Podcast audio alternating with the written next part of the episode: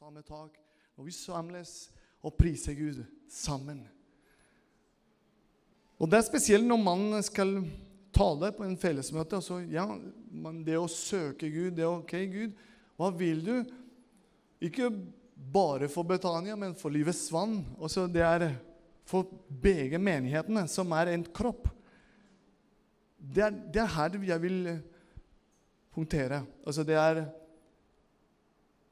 Dette er ikke min preke eller Betanias preke eller Livens vanns preke. Det, jeg er ikke interessert i det. Det som på en måte min hjertesukk er, det å dele hva Guds hjerte vil for oss. Hørte dere hva jeg sa? Oss. Altså ikke en eller annen, men oss. Og det er, det er rett og slett en privilegium at man kan få lov til å dele Guds ord. Og det kom en sånn på tirsdag. På bønnemøtet var vi sammen. Og vedkommende som var der, kanskje kommer til å forstå litt av det på en måte jeg skal dele med dere. Eh, det ble delt av forskjellige bibeltekster, men det var en bibeltekst som tok hjertet mitt og minte meg mange, mange ting i mitt kristne liv. Og så siden jeg tok imot Jesus i 2002, til i dag. Og det er eh, Jesaja kapittel 41, vers 10. Og jeg tror faktisk at Gud vil i sitt hjerte at du skal ta dette med deg. Ikke bare for å holde gjennom uka, men gjennom din reise med Jesus i ditt liv. Jesaja kapittel 41, vers 10.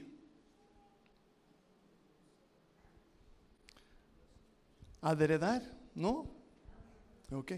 Teksten kommer etter hvert, tror jeg. Mm. Vi leser i Jesu navn. Frykt ikke, for jeg er med deg. Vær ikke redd, for jeg er din Gud. Jeg gjør deg sterk og hjelper deg og holder deg oppe med min rettferdige høyre hånd. Frykt ikke, for jeg er med deg. Jesus, vi ber, Herre, i ditt navn. Åpenbare dette ordet i vårt indre, Herre. I vårt hjerte. Takk, Jesus, fordi du er trofast. Og du visste at vi trengte å høre dette i kveld. Hjelp oss alle sammen til å være mottagelige, Herre, og ta dette ordet dypt i vårt hjerte og praktisere og handle i det gjennom vårt liv. I Jesu navn jeg ber om, Herre. Frykt ikke, for jeg, for jeg er med deg. Det er tittelen av det på en måte jeg skal dele med dere. Frykt ikke. Frykt. Det ordet der er spesielt.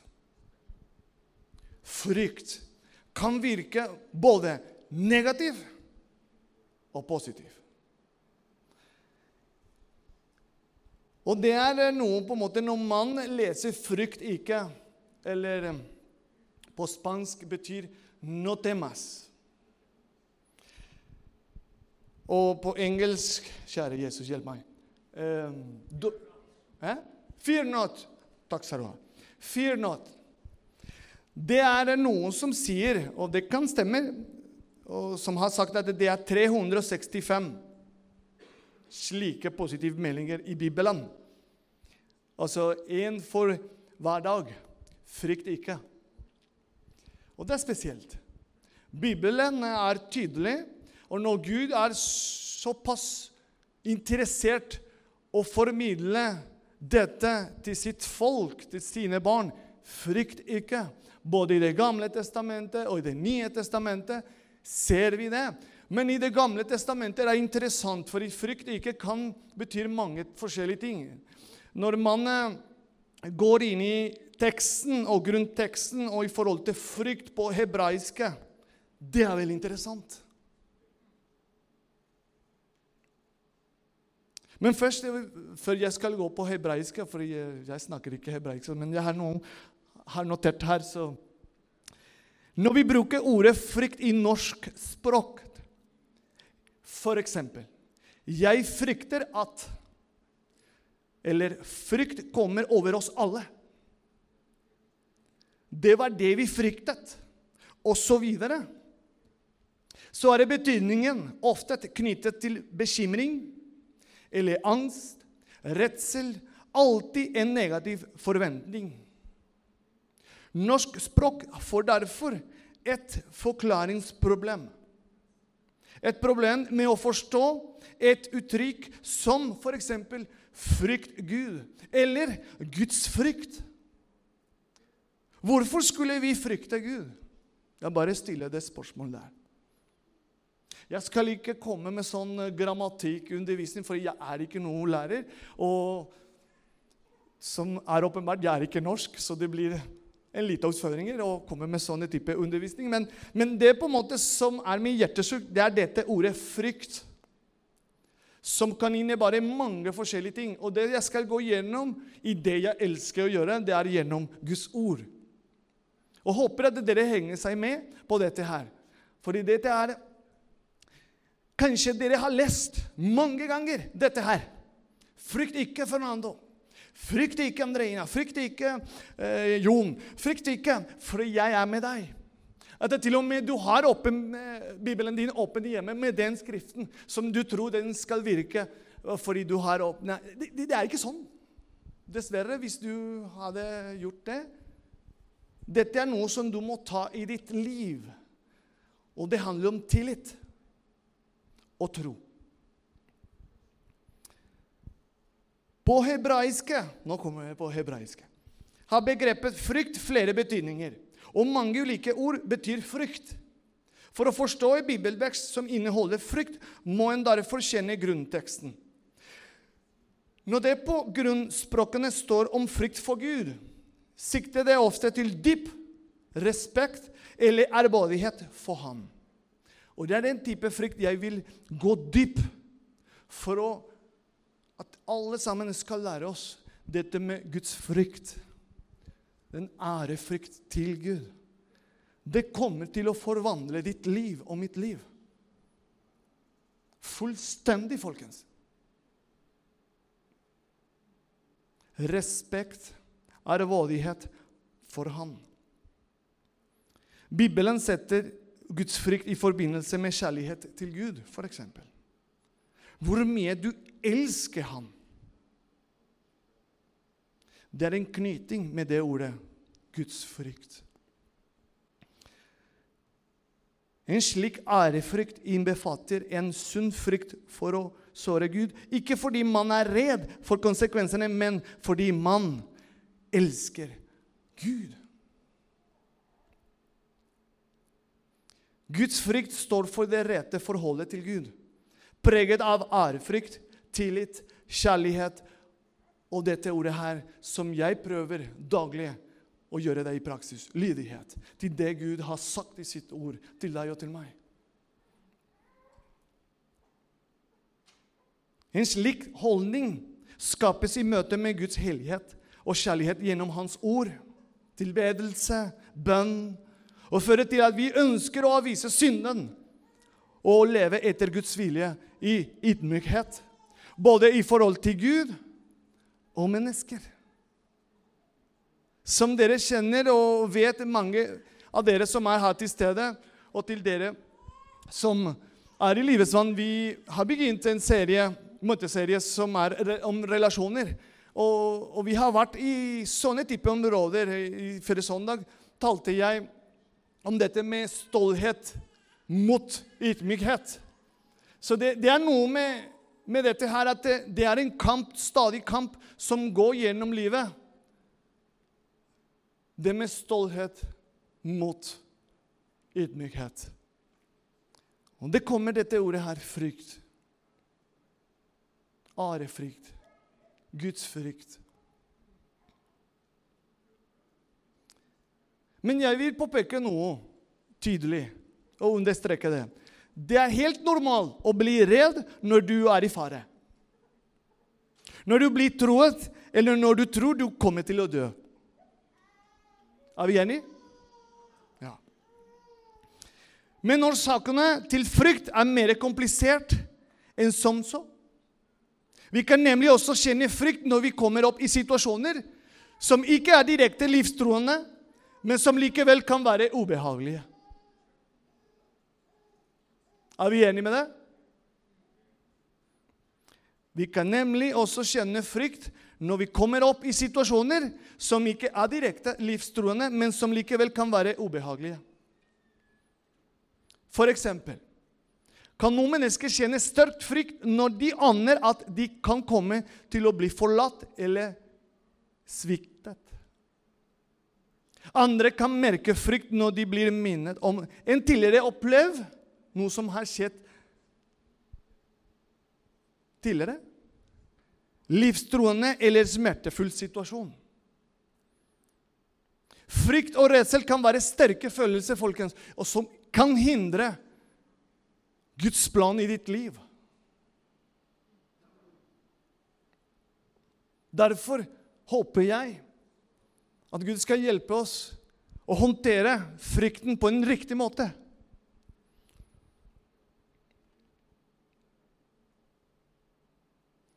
Hvorfor er det mange mennesker som sier at de aldri er redde? Eksempel, jeg har hørt det. Jeg er ikke noe redd for noe. Jeg som pappa av og til vil tøffe meg og si til Fernando til David nei, jeg er ikke noe redd i noe. Men jeg gjør det, skjønner du.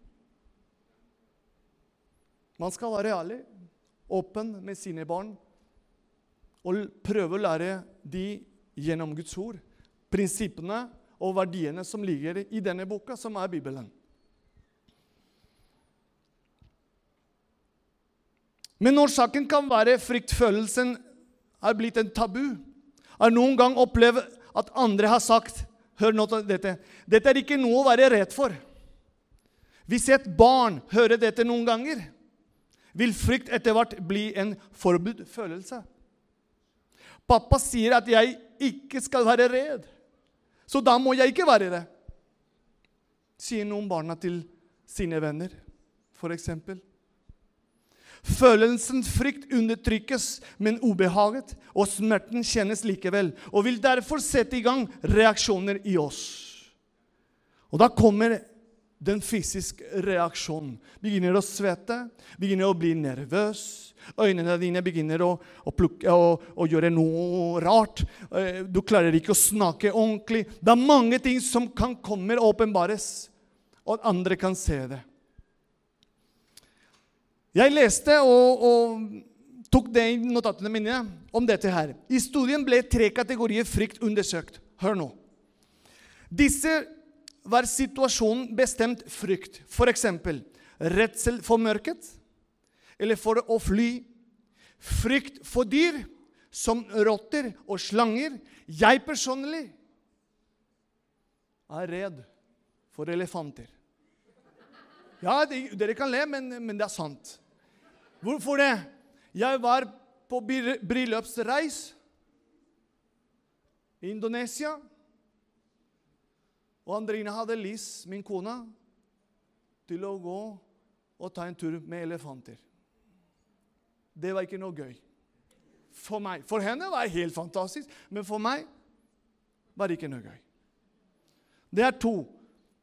Og også krokodiller. Men jeg skal ikke gå inn i detalj med krokodiller. Jeg er redd av krokodiller også. Så det er noen eksempel. Og kroppslig frykt. Frykt for åpne sår, for blod og sprøyte, eller frykt for tannlegen. Dette er personlig også. Jeg er ikke noe glad i tannlegen. Hvor mange av dere er glad i tannlegen? Nå skal jeg se. Nå bare den lyden Nei, det er to stykker som er glad i tannlegen. Gud velsigne dere også. Men eh, når jeg var liten og skal vi ta en legen, Der reiser seg noe inni meg. Frykten. Men da var mamma og pappa hele tiden. Se sammenhengen, folkens. Da kommer mamma og pappa. Det går fint, Fernando. Da kommer tannlegen. Han kommer til å gjøre det bra. Han kommer til å fikse tennene dine, at du kan smile fint. Altså, da kommer den omsorg. Hvis vi tar den bildet til bibelperspektiv Dere leste med meg hva som står i Guds ord. Frykt ikke, for jeg er med deg. Uansett. Han er med deg og med meg. Og det er det da vi, vi, altså jeg vil begynne. At han er med deg og med meg. Og du har bestemt å si ja til Jesus og følge han og være en disippel og en etterfølger av han. Han er med hele vandringer.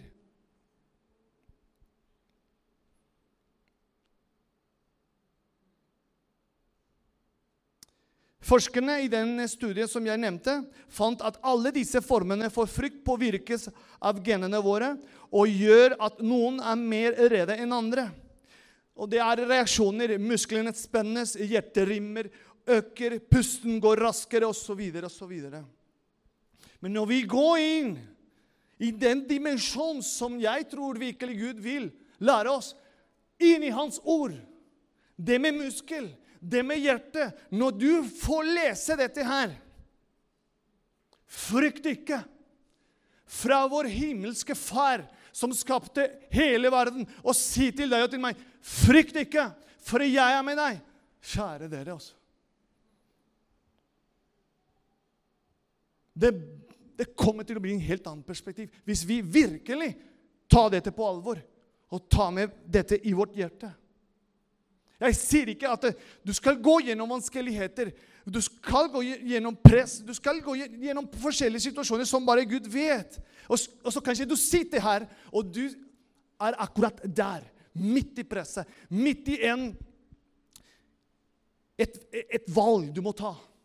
Enten høyre eller venstre. Eller skal jeg si ja eller nei? Det er her Gud kommer. Frykt ikke. Stole på meg. 'Jeg er med deg'. Og det stopper ikke der. Han går videre. Hm. Det er en person i Bibelen folkens, som kanskje dere har lest og bare går forbi. For det er en mann som kanskje vi snakker ikke så mye om i menigheten. I min bibel det står med E. Han heter Enok, men i andre versjoner det står med H.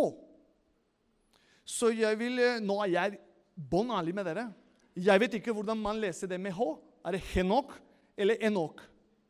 Det er i første Mosebok, kapittel 5, fra vers 21 til 24. Det kommer nå. Og det er allerede på de første sidene i Bibelen får vi noen holdepunkter om hva Guds frykt er. Se, det, det kommer nå. Første Mosebok, kapittel 5, vers 21 til 24. Der, ja. Er det Henok eller Enok, folkens? Enok. Takk skal du ha. Da Enok var 65 år, fikk han sønnen Metushaha. Enok vandret med Gud i 300 år etter at han hadde fått Metushaha. Han fikk sønnen og døtre.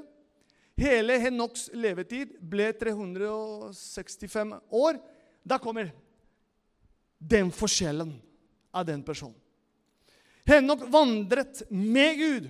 Så var han ikke mer, for Gud tok han til seg. Men det kommer noe mer. Det kommer at han vandrer med Gud. Men også Gud hadde behag i han. Det er to ting her som jeg vil påpeke. Han vandrer med Gud, og Gud hadde behag i han. Det er to elementer her som jeg vil gjerne folkens, at vi tar med med oss. Jeg vet ikke hvilken bilde du har at man vandrer med noen. Men når jeg ser at Henok, Enok vandrer med Gud, det er en livsstil. Han viser det, folkens, med Gud. At det det han leste, den relasjonen han har med Gud, det er levende. Det er ikke en utopi. Det er ikke noe som eh, gudstjeneste på søndag. Dette er en hverdagen. Dette er en Gud, nå går vi sammen. Og Gud er med. For han sier i sitt ord, 'Jeg er med deg'. Han sier ikke bare én gang eller to, han sier det flere ganger. Da går vi. Stopp for han. Ok. Det er å være sensitiv. Når Gud sier 'OK, nå, nå må du være forsiktig'. Men hvordan i alle dager for han, kjenner du det? Jeg kan si hvordan er mitt liv. Altså, jeg kan ikke si hvordan, hvordan du skal gjøre det. Men mitt liv, som jeg prøver å utvikle meg og søke Gud på en måte som jeg kan forstå, jeg kan høre, og jeg kan praktisere det i mitt liv, det er å ta dette på alvor. Jeg er med deg. OK, da er du med meg. I hver situasjon. Jeg prøver, folkens. Jeg sier ikke dette jeg er veldig flink og jeg gjør det stadig. Nei. Jeg kan bombe, jeg kan gjøre noe feil, men det er nåde eh, folkens, som man kan få fra Gud hele tiden når man er ærlig med ham. Nå bomba jeg, nå, nå sa jeg noe som var ikke riktig, Gud. Kan du hjelpe meg å leve det du har lært meg? Da kommer den Guds frykt. Det er helt noe annet. Da stopper du å få Han på virke i ditt hjerte og ditt sinn hvordan du skal vandre med Han. Og hvordan du skal gjennom deg påvirke andre mennesker. Og det gjelder alle sammen her. folkens. Det er ikke bare pastoren eller lovstandteamet eller bønneledere. Det, det gjelder alle sammen.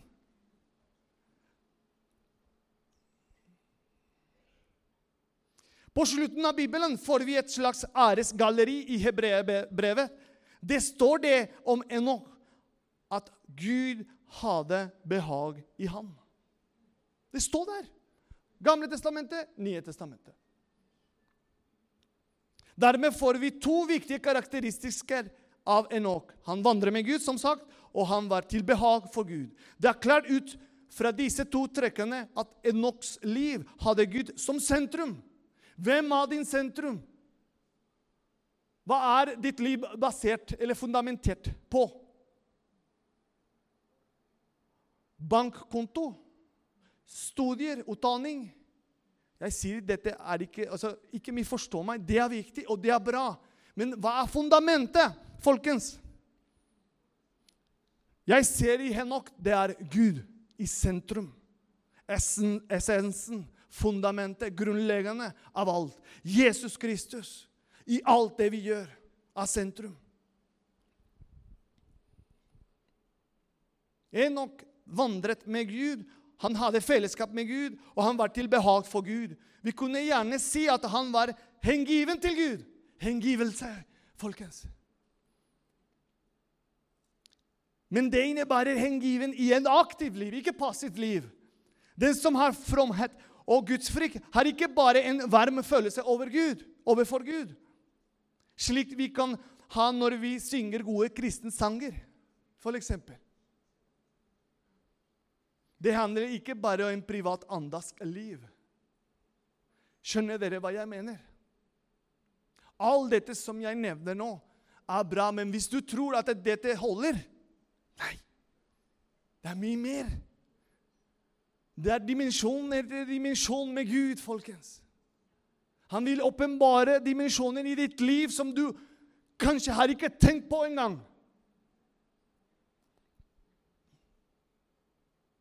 Hengivelse er ikke en aktivitet, men først og fremst en holdning. Og Denne holdningen er preget av tre trekk. Frykt for Gud, kjærlighet til Gud og lengsel etter Gud. I alle tilfeller er Gud i fokus. Det er Jesus. Vi har lett for å prøve å behage Gud uten å ta tid til å vandre med ham og utvikle et forhold til ham. Mye handler om å overgi sin vilje til Gud, ditt og mitt, til Gud. Den som øver seg i Guds frykt, vil legge alt i sitt liv under Guds vilje. Hengivelse til Gud vil prege oss når vi ser Guds kjærlighet vist i evangeliet. Og da kommer frukten. I hvert fall i mitt liv. Og i dag, eh, før jeg kom hit eh, Andreina og resten av gjengen er i Fyresdal. Og når jeg er aleine hjemme og jeg sitter på sofa, og Fernando er også hjemme, men han er i sitt, uh, i sitt rom Det kommer jeg, jeg, jeg, kan ikke beskrive, men det kommer noe når jeg ser veggene Og så 'Hallo, Fernando, du er i Norge.' Og det kommer, tror jeg, Den hellige ånd og minner meg. Husker du når du, når du sliter mye med Andreina? Når du hadde ikke råd for å kjøpe mat? Husker du når jeg tok deg fra en situasjon og se hvor du er i dag? Det kommer sånne type minner som kanskje rista hjertet mitt. Og det kommer den takknemlighet som jeg kan ikke beskrive. Og da kommer sammen frykten. Og jeg har lyst bare til å gråte og si til Gud takk. Jeg fortjener ikke dette her. Men din miskunnhet, barmhjertighet, trofasthet treffer. Jeg vet ikke hva du, hva du går gjennom i dag, men la meg få si sånn Husk hva Gud har gjort i ditt liv tidligere. Husk på det! Og da begynner den ærefrykt, den gudsfrykt, kommer og påvirker ditt liv.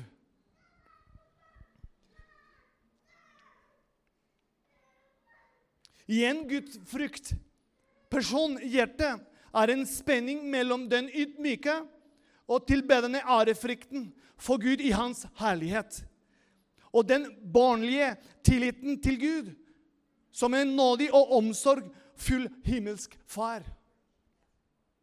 Uten en slik spenning kan en kristens enkle tillit utarte til en tom innvilning. Hør nå på dette. Fristelsen i dag fristelser. Og dette må det, det, er som på en måte jeg kjenner Dette er varsel fra vår pappa i himmelen, fra Gud til alle oss. Vi kommer til å bli frista på mange forskjellige områder. Og fristelsen i dag er å ta i bruk en 'hei på deg'-tone overfor Gud. F.eks. når vi ber til ham. Ingen av personene i Bibelen og jeg ser det i min bibel. Ingen av de personene, de heltene og de som viser her Gud gjennom sitt ord, kom i nærheten av en sånn uformell tone. De tiltalte alltid Gud med ærefrykt.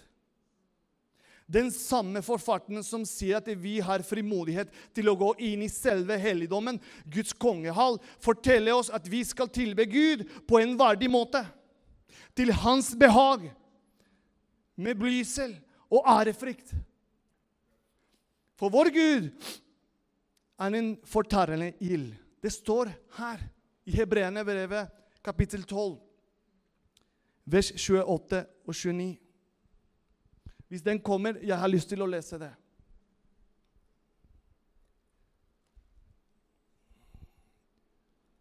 Derfor, siden vi får et urøkelig rike, så la oss være takknemlige, takknemlige og med takk gjøre vår tjeneste i Guds frykt og ærefrykt, til glede for Gud. Da kommer For vår Gud er en fortrærende ild. Nå lovsangtimen kan komme fram. Da kommer dere. Flott. Nå skal vi åpne Bibelen. Og hvis du har Bibelen, vær klar. Vi skal gå gjennom forskjellig bibelteksten.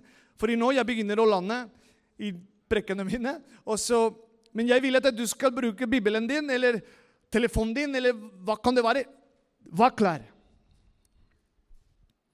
I første Mosebok kapittel 15, 1. Jeg går med dere også. Første Mosebok kapittel 15, vers 1.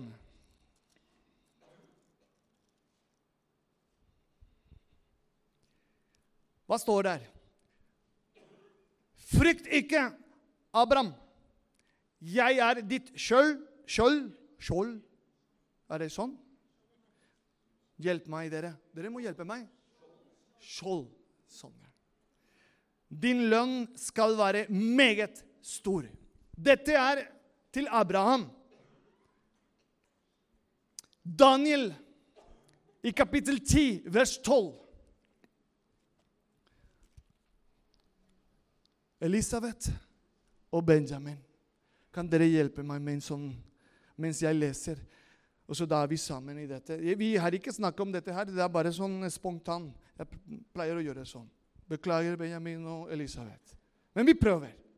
Ikke sant? Kapittel 10, vers 12 fra Daniel bok. Kom igjen.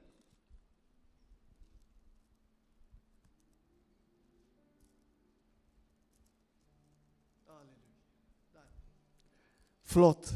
Kapittel 10, vers 12. Frykt ikke, Daniel, for fra det, den første dagen du overga ditt hjerte Jeg vet ikke når ga du ditt hjerte til Gud også. Men det ligger noe hemmeligheten her.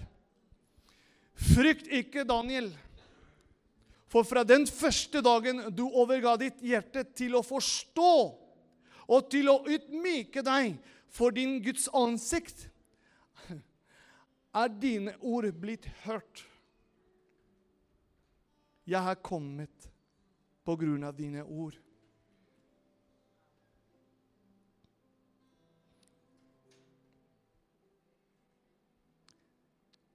Lukas kapittel 1, 30. Den er veldig kjent vers. Kommer en engel fra Gud og og snakker til Maria.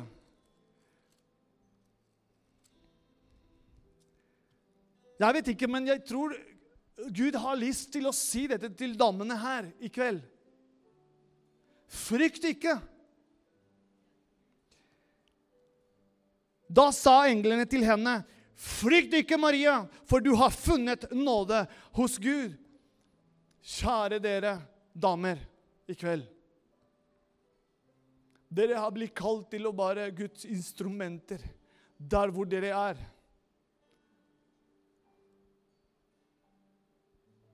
Dette er ikke noe emosjoner. Det, dette kjenner jeg fra dypt i mitt hjerte. Gud har lyst til å si det til dere.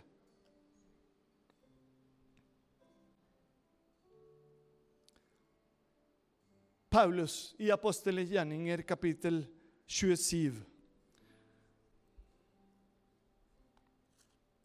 Ja, Jesus. Røre våre hjerter, Herre. Kapittel 27, vers 23 og 24.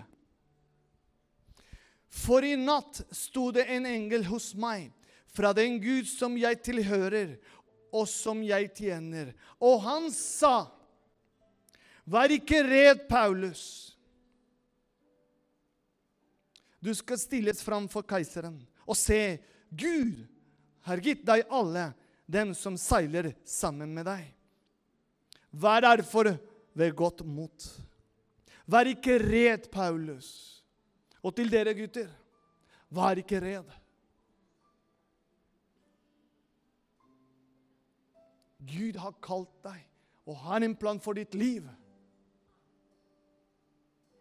Frykt ikke, for i Gud er med deg. Og Da går vi tilbake til den teksten som jeg begynte. Jesaja kapittel 41. Frykt ikke, for jeg er med deg. Se deg ikke rådvill omkring, for jeg er din Gud. Jeg styrker deg. Ja, jeg hjelper deg. Jeg holder deg oppe med min rettferdige høyre hånd. Det var en kommentar på bønnemøtet forrige tirsdag. Og Jeg likte det, og jeg skal dele det. Og Jeg håper jeg gjør det på en riktig rekkefølge. Odd. Og det er Det er en vitnesbyrd, egentlig, at det er en dame som, som hadde en kjempefrykt i sitt liv, en bekymring, og hun på en måte trengte et ord. Og da kom en mann eller en dame ja, nå, nå, improviserer jeg. Og, så, og han kom med det ordet her, og så sier vet du hva Les Jesaja 41, kapittel 10, eh, 41, vers 10. Og tenk at det, hvis du legger fritt ikke og så en, fra hver, setning, hver setninger en dag i uka Og så det var sånn På mandag Frykt ikke. På tirsdag for jeg er med deg. På onsdag se deg ikke rådvill omkring. På onsdag. På torsdag for jeg er din Gud. På fredag jeg styrker deg, ja. Og på lørdag jeg hjelper deg. Og på søndag jeg holder deg oppe med min rettferdige høyre hånd. Da har du den. Da har jeg delt det, Odd. Uten å spørre deg. Jeg er frekk også. Beklager. Men jeg, det var så fint. Hver dag er en ny dag som Gud skaper for deg og for meg. Og han sier stadig, og han minner oss i kveld dette. Frykt ikke, for jeg er med deg.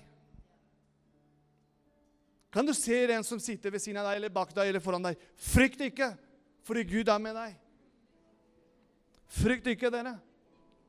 Gud er med dere.